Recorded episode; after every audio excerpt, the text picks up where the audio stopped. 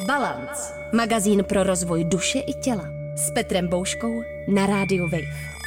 Balance. Úterý na rádiu Wave znamená magazín Balance. Dnes po týdnu opět vítám Tomáše Zudu, psychologa a psychoterapeuta. Minulý týden jsme se bavili o řízení auta a dnes si budeme povídat o strachu. Tomáši, dobrý den. Dobrý den. Jak eh, můžeme pojímat strach? Napadá mě, napřed bych se o něm chtěl bavit jako o emoci a následně potom jako o životním postoji. Tak eh, máte k tomu ještě třeba nějaký rozměr, který, který byste chtěl přidat? No asi bych bylo hodně, ale tyhle dva mi přijdou opravdu dobře vybrané jako ty základní. Strach je takovou jednou z těch opravdu úplně, jednou z několika těch úplně základních emocí, kterou máme společnou se svými zvířecími eh, předky určitě že jo, na, na, mezi savci, určitě to jde ještě dál, že jo, tam je potom u těch nižších zvířat je potom těžké odhadovat, co přesně je co, ale kdyby jsme to vzali na úrovni té reakce, ke které strach často vede, a to je útěk, no tak ten můžeme vidět vlastně jako úplně u všech živočichů a dokonce i u rostlin jako reakci, takže e, je to opravdu jedna ze základních vlastností, možná by se skoro dalo říct života. Strach. Lidé často hovoří o tom, že ho chtějí překonávat nebo že se ho chtějí zbavovat. Napadá mě, jestli není lepší se s ním učit pracovat jiným způsobem a třeba se s nimi skamarádit, pochopit a proskoumat. To je otázka, jak hluboce eh, se do něj chcete ponořit na to zkoumání, protože ona je to samozřejmě nepříjemná eh, emoce a to je jeho důležitou součástí, že to je nepříjemné. Kromě situací, kdy si ho vlastně jako způsobujeme schválně, aby jsme zažívali to vzrušení, které je součástí strachu. Protože strach je spojen s, eh, s aktivací. Že? Je to jedna z těch emocí, které jsou spojeny s adrenalinem a s nabuzením organismu. A jako eh, takové to nabuzení může být i příjemné, pokud máme celkově pocit, že ho máme pod kontrolou. Takže to pak vede k tomu, že lidé se třeba dívají na různé thrillery a horory a prožívají si tak jako v úvozovkách bez, bezpečně ten strach. V tomhle tom se ostat, ostatně lišíme eh, navzájem mezi sebou, že jsou lidé, kteří to eh, napětí a to vzrušení prožívají pozitivně a jsou lidé, kteří ho prožívají negativně. Chtít po někom, aby se se mnou, aby se mnou dělal něco strašidelného, není vždycky fér, protože ten druhý může být zrovna ten typ, kterému to nesedí. A myslíte si, že se to dá trénovat, ta dovednost a pracovat se strachem tak, abychom víc posilovali ten aspekt eh, toho vzrušení? Určitě. Když se podíváme na to, jak strach jako emoce funguje, tak vlastně eh, vidíme několik úrovní, na kterých, eh, na kterých se spouští a na kterých eh, se, které se podílí na tom, jak ten strach probíhá. Taková ta základní instinktuální úroveň, úroveň instinktu, který je hluboce zabudován v naší nervové soustavě a hluboce v ní, to znamená až na úrovni teda toho, těch starších částí mozku, tahle ta část je velmi automatická, funguje sama od sebe. S tou cvičit vlastně moc nejde. Ta prostě buď reaguje, nebo nereaguje a když zareaguje, tak eh, ta odpověď bude do značné míry podobná pokaždé, když se to stane. Tady na té úrovni máme jednak krátkodobou stresovou reakci, která je ovládaná nervovým systémem a, a pak máme tu delší, která je ovládaná hormonálně. A oni se liší také v tom časovém dopadu toho stresu, protože ta hormonální složka má na svědomí to, že ten stres a strach funguje ještě déle eh, než ten podnět, zatímco ta nervová ta by dokázala nás opustit relativně rychle. Já jsem teďka použil slovo stres v souvislosti se strachem. Ono se dá říct, že eh, neexistuje strach bez stresu, ale existuje stres bez strachu. Eh, my můžeme mít stresové období a nemusíme se o toho ničeho bát, ale strach je vždycky tak trochu stresem, právě tady na té e, úrovni toho vzrušení, to jo, tam, tam, tam, kde se ty základní e, emoce, e, základní fungování našeho organismu potkávají. Takže to je ta základní úroveň. Nad ní je potom ta složka eh, jedna, která odkud ten stres vzniká, to znamená ta eh, percepce, to vnímání, čeho se vlastně teda bojíme.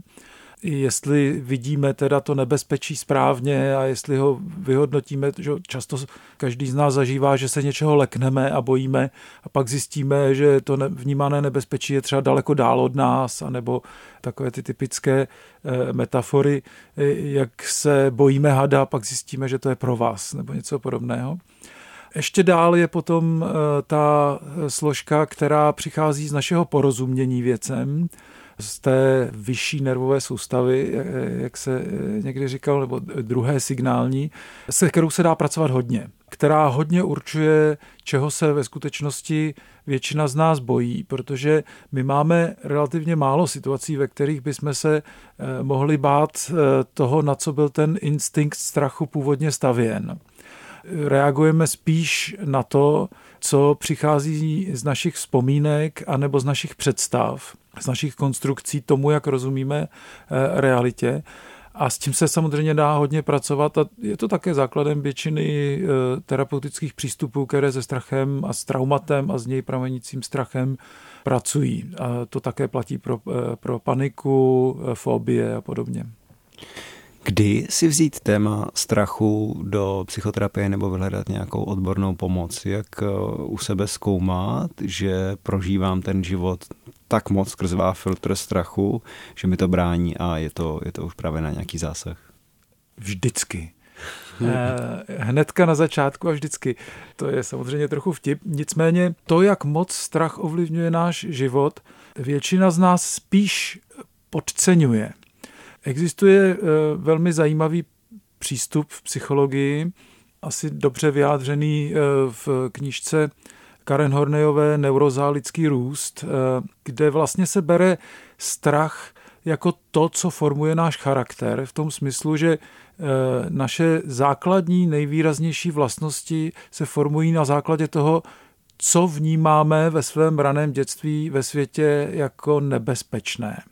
Já neříkám, že to je jediný možný eh, pohled na to, jak, jak se osobnost formuje, ale myslím si, že z mnoha případů a příkladů lidí kolem sebe eh, můžeme vidět, že ono to opravdu velký eh, vliv na nás má. Jo, že se formujeme podle toho, čeho se ve světě bojíme.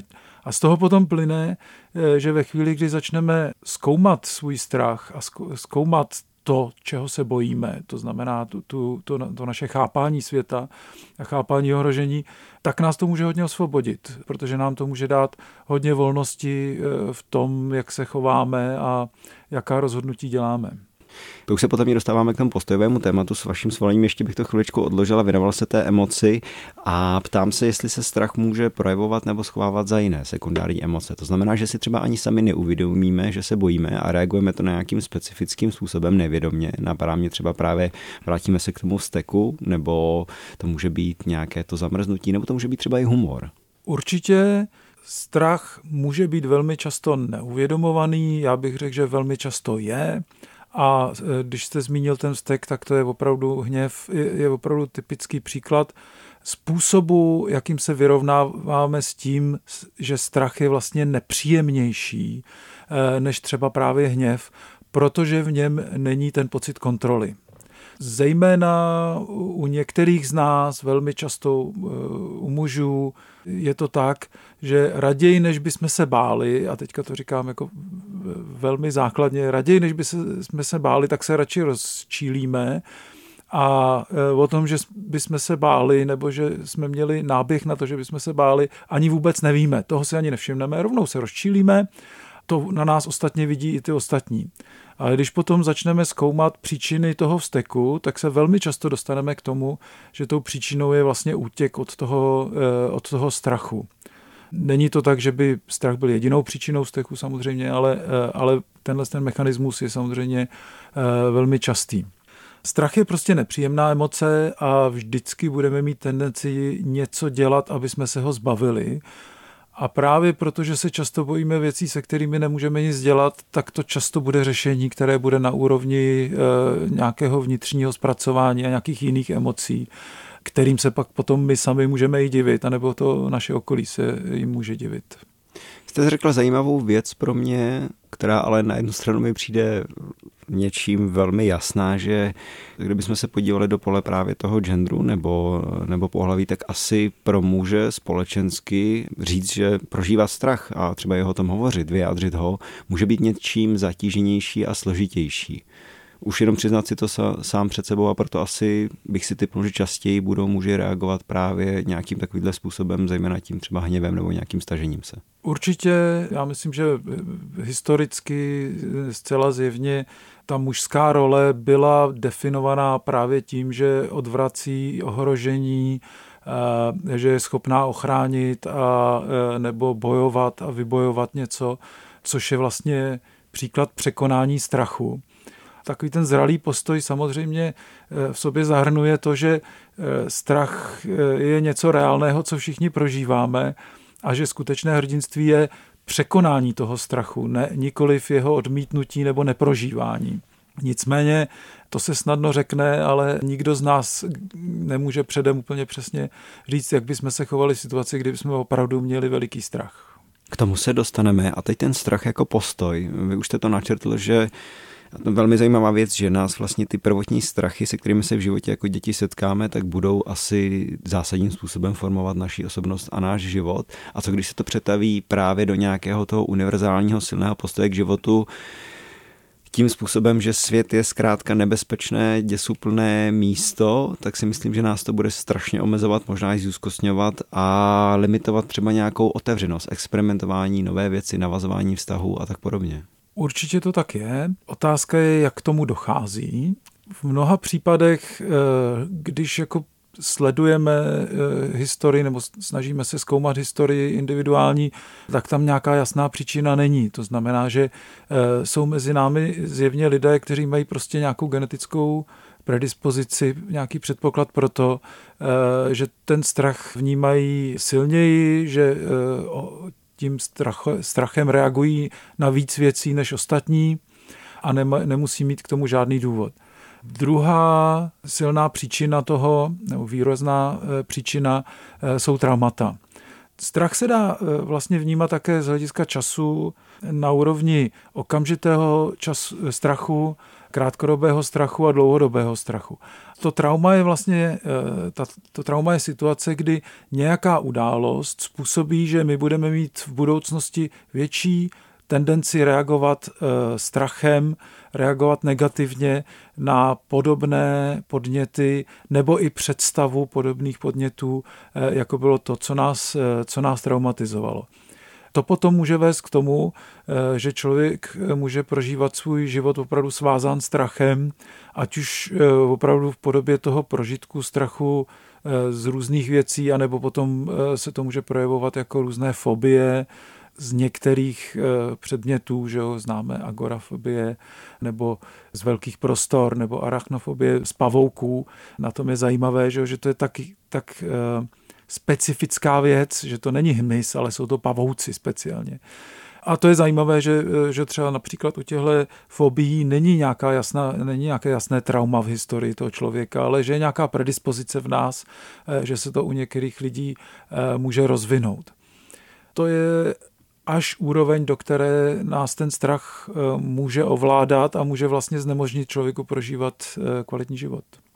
Co funkčnost toho strachu, protože mi přijde, že se často bojíme věcí, které akutně ohrožující nejsou. A vy už jste o tom trochu mluvil, že se buď vztahujeme k minulosti, anebo spíše máme obavy z budoucnosti. Tam si myslím, že se ten strach bude rozlévat častěji. No my jsme na začátku mluvili o tom, eh, že ten strach sdílíme s našimi zvířecími příbuznými a, a předky a ta jasná eh, funkce strachu je, aby nás ochránil před nebezpečím, aby jsme prostě zdrhli eh, nebo se schovali. Že? To jsou ty tři základní reakce na, eh, na ohrožení, útok, útěk a zamrznutí.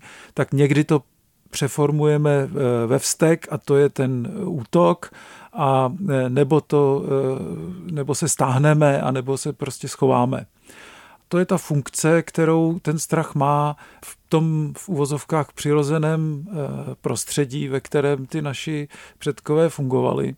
Akorát, že v tom našem prostředí to tak není, což neznamená, že by nemělo mít e, smysl bát se třeba ztráty zaměstnání. Jo. To je to je vlastně jako e, věc, ze které má smysl mít obavy, akorát, že ta fyzická strachová e, reakce v této oblasti zrovna vůbec nic neřeší, že jo? protože od toho se nedá úplně utíct. S tím se dá něco dělat, ale nedá se od toho utíct. Je to jeden z příkladů toho, jak ta jak rychlost eh, vývoje civilizace prostě předběhla eh, vývoj toho, jak fungujeme na té fyzické úrovni a psychické úrovni a eh, teďka se s tím snažíme nějak vyrovnávat. Může někdo prožívat toho strachu neadekvátně málo, až tak, že by mu to v životě také překáželo? A úplně nevím, jestli jsem to téma zatahovat, ale chtěl jsem se zeptat na, na psychopatii a jak oni to mají se strachem. Já myslím, že tohle se moc psychopatů netýká, kromě některých příkladů, případů, kde ta psychopatie je opravdu na úrovni ztráty emotivity jako takové. Spíš ten problém s nedostatkem strachu eh, se projeví na, na tom, že člověk příliš riskuje a tím pádem Bůh ví, jestli se dožije dospělosti, jo? Protože, eh, protože naučit se odhadovat dobře eh, tu míru rizika, kterou si můžu dovolit, to je jeden z předpokladů, že přežiju jako dítě, že protože tam jde, tam jde o život ve chvíli, kdy člověk jako skáče, běhá, a tak. A zdá se, že to většina z nás vládla, takže, takže strach máme eh, minimálně eh, na té dobré úrovni. Otázka je, myslím, která vyplývá z toho, co jste říkal, jestli se mnozí nenaučí potírat ten strach natolik, potlačovat ho v sobě nebo nějak jinak zpracovávat, eh, že potom dělají rozhodnutí a berou na sebe riziko, které vede eh, k negativním důsledkům.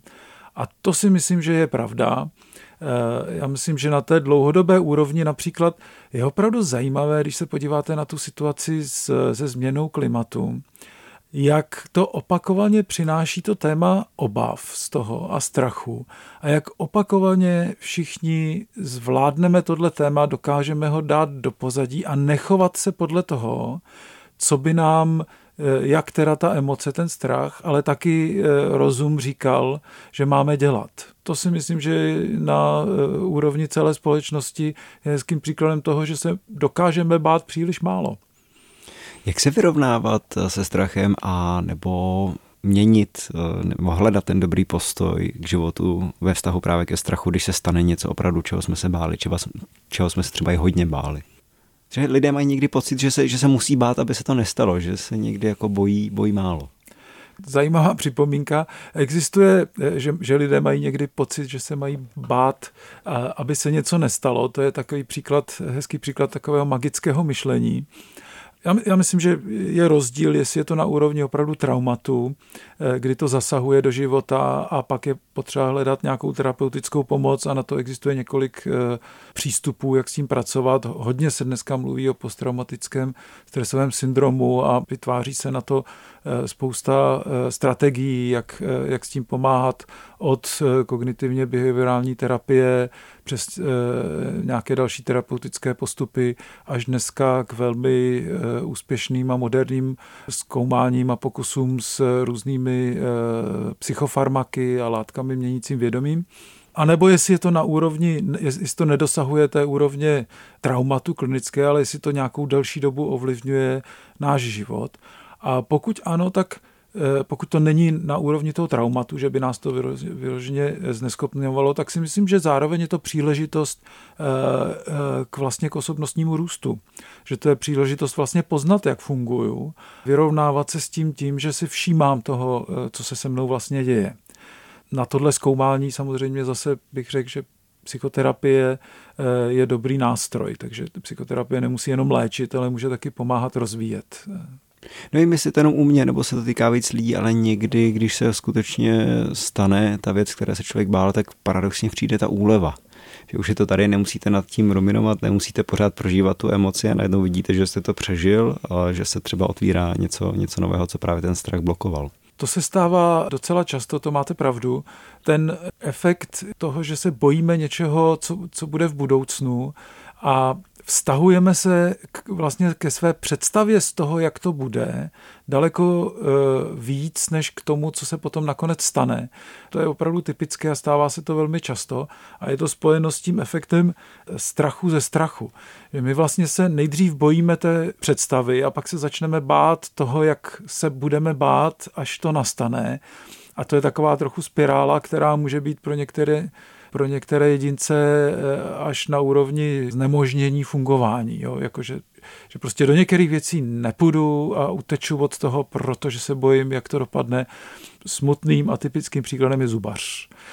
Jo, eh, kolik lidí má eh, zkažené zuby, protože se bojí jít k zubaři, No ale pak nakonec, když jdete k tomu zubaři, tak uh, zvlášť v dnešní době je to vlastně jako je opravdu uh, I finančně bezbolestná. Je, a finančně procedura. je to velmi rozumné chodit taky k zubaři brzo, ne, ne, než později, protože a on navíc ta bolest asi u toho malého zákroku bude výrazně menší, než uh, u toho dlouho odkládaného. Určitě, je tam tenhle, ten, uh, tato starovnice tam někde funguje. No.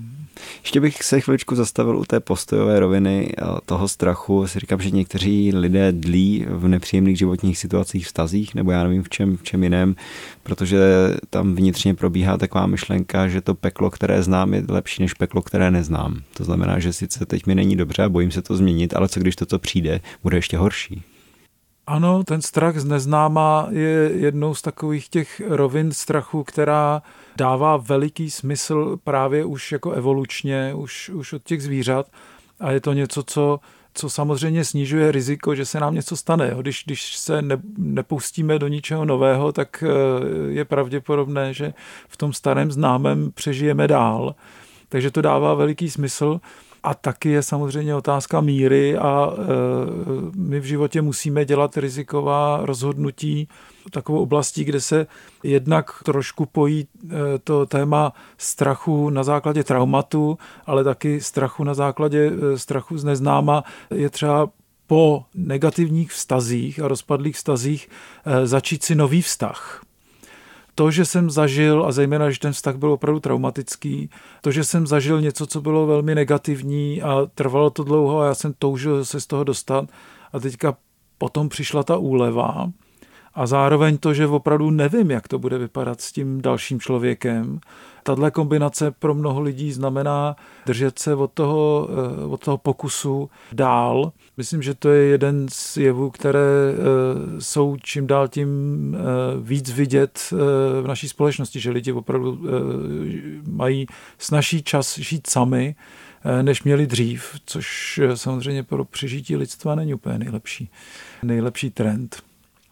Závěrečná otázka a to je strach jako brána k hrdinství nebo statečnosti a růstu, protože právě některé ty vyhrocené mezní situace, ve kterých samozřejmě ten strach bude přítomen eh, někdy obrovským nesnesitelným způsobem, nás můžou vybičovat právě k tomu změnu, k té změně chování radikální a třeba až právě k nějakému takovému tomu hrdinství. My už jsme se toho trošku dotkli, že hrdinství opravdu není nemít strach, ale eh, umět s tím strachem pracovat a překonat ho.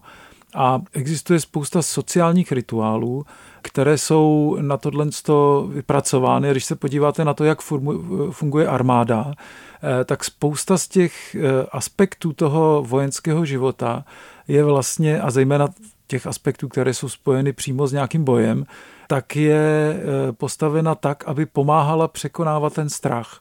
A to souvisí s tím, že ten strach je o tom vybuzení. S tím, že my můžeme měnit prožívání svých emocí tím, že si interpretujeme ty emoce tak, jak se nám hodí. A nebo nám někdo nabídne tu interpretaci a my se jí můžeme chytit. Víme taky, že třeba v rugby existuje ten rituál, teďka jsem zapomněl to jméno. Haka? Tak, tak, to je ono. Já když jsem to viděl, tak jsem si říkal, no to je přesně ono, to je, to je způsob, jakým dát najevo, že to vybuzení má za sebou ten postoj spíš vlastně agresivity, že jo? E, spíš té dominance, než toho strachu. A to je něco, co je velmi užitečné ve chvíli, kdy lidi začnou cítit ten strach. No a v té armádě to můžeme vidět například hezky na těch pochodech, na těch, že křičet hurá při útoku. Co to je? No to je, eh, to je způsob, jak přetvářet ten pocit. Jo? To je něco, s čím lidé uh, už dlouho pracují, ať už vědomně nebo nevědomně, co na individuální úrovni eh, nás občas potká v té či oné podobě. Že? Překonávat strach je něco, co bylo taky od jak živa součástí těch přechodových rituálů. Eh, přechodové rituály, zejména u chlapců, eh, jsou ve směs postaveny na tom, eh, že ta výzva představuje vystavit se nějakému strachu, ať už je to strach z bolesti v některých kulturách, nebo nějaký jiný druh strachu, který potom ten jedinec překoná a tomu potom dá tu sílu do budoucna minimálně ve formě toho zážitku podařilo se mi překonat strach. Když se po druhé budu bát, tak to dokážu zvládnout taky. Těmito slovy končí dnešní vydání magazínu Balance, který opět navštívil Tomáš Zura, psycholog a psychoterapeut. Bavili jsme se o strachu. Já vám děkuji i za vaši dnešní návštěvu. Naschledanou. Děkuju. Naschledanou. Balance. Překonejte limity vlastní hlavy. Balance. Přihlaste se k odběru podcastu na wave.cz lomeno podcasty a poslouchejte Balance kdykoliv a kdekoliv i offline. Partnerem tohoto pořadu jste vy, posluchači Českého rozhlasu. Už sto let vysíláme díky vám. Děkujeme.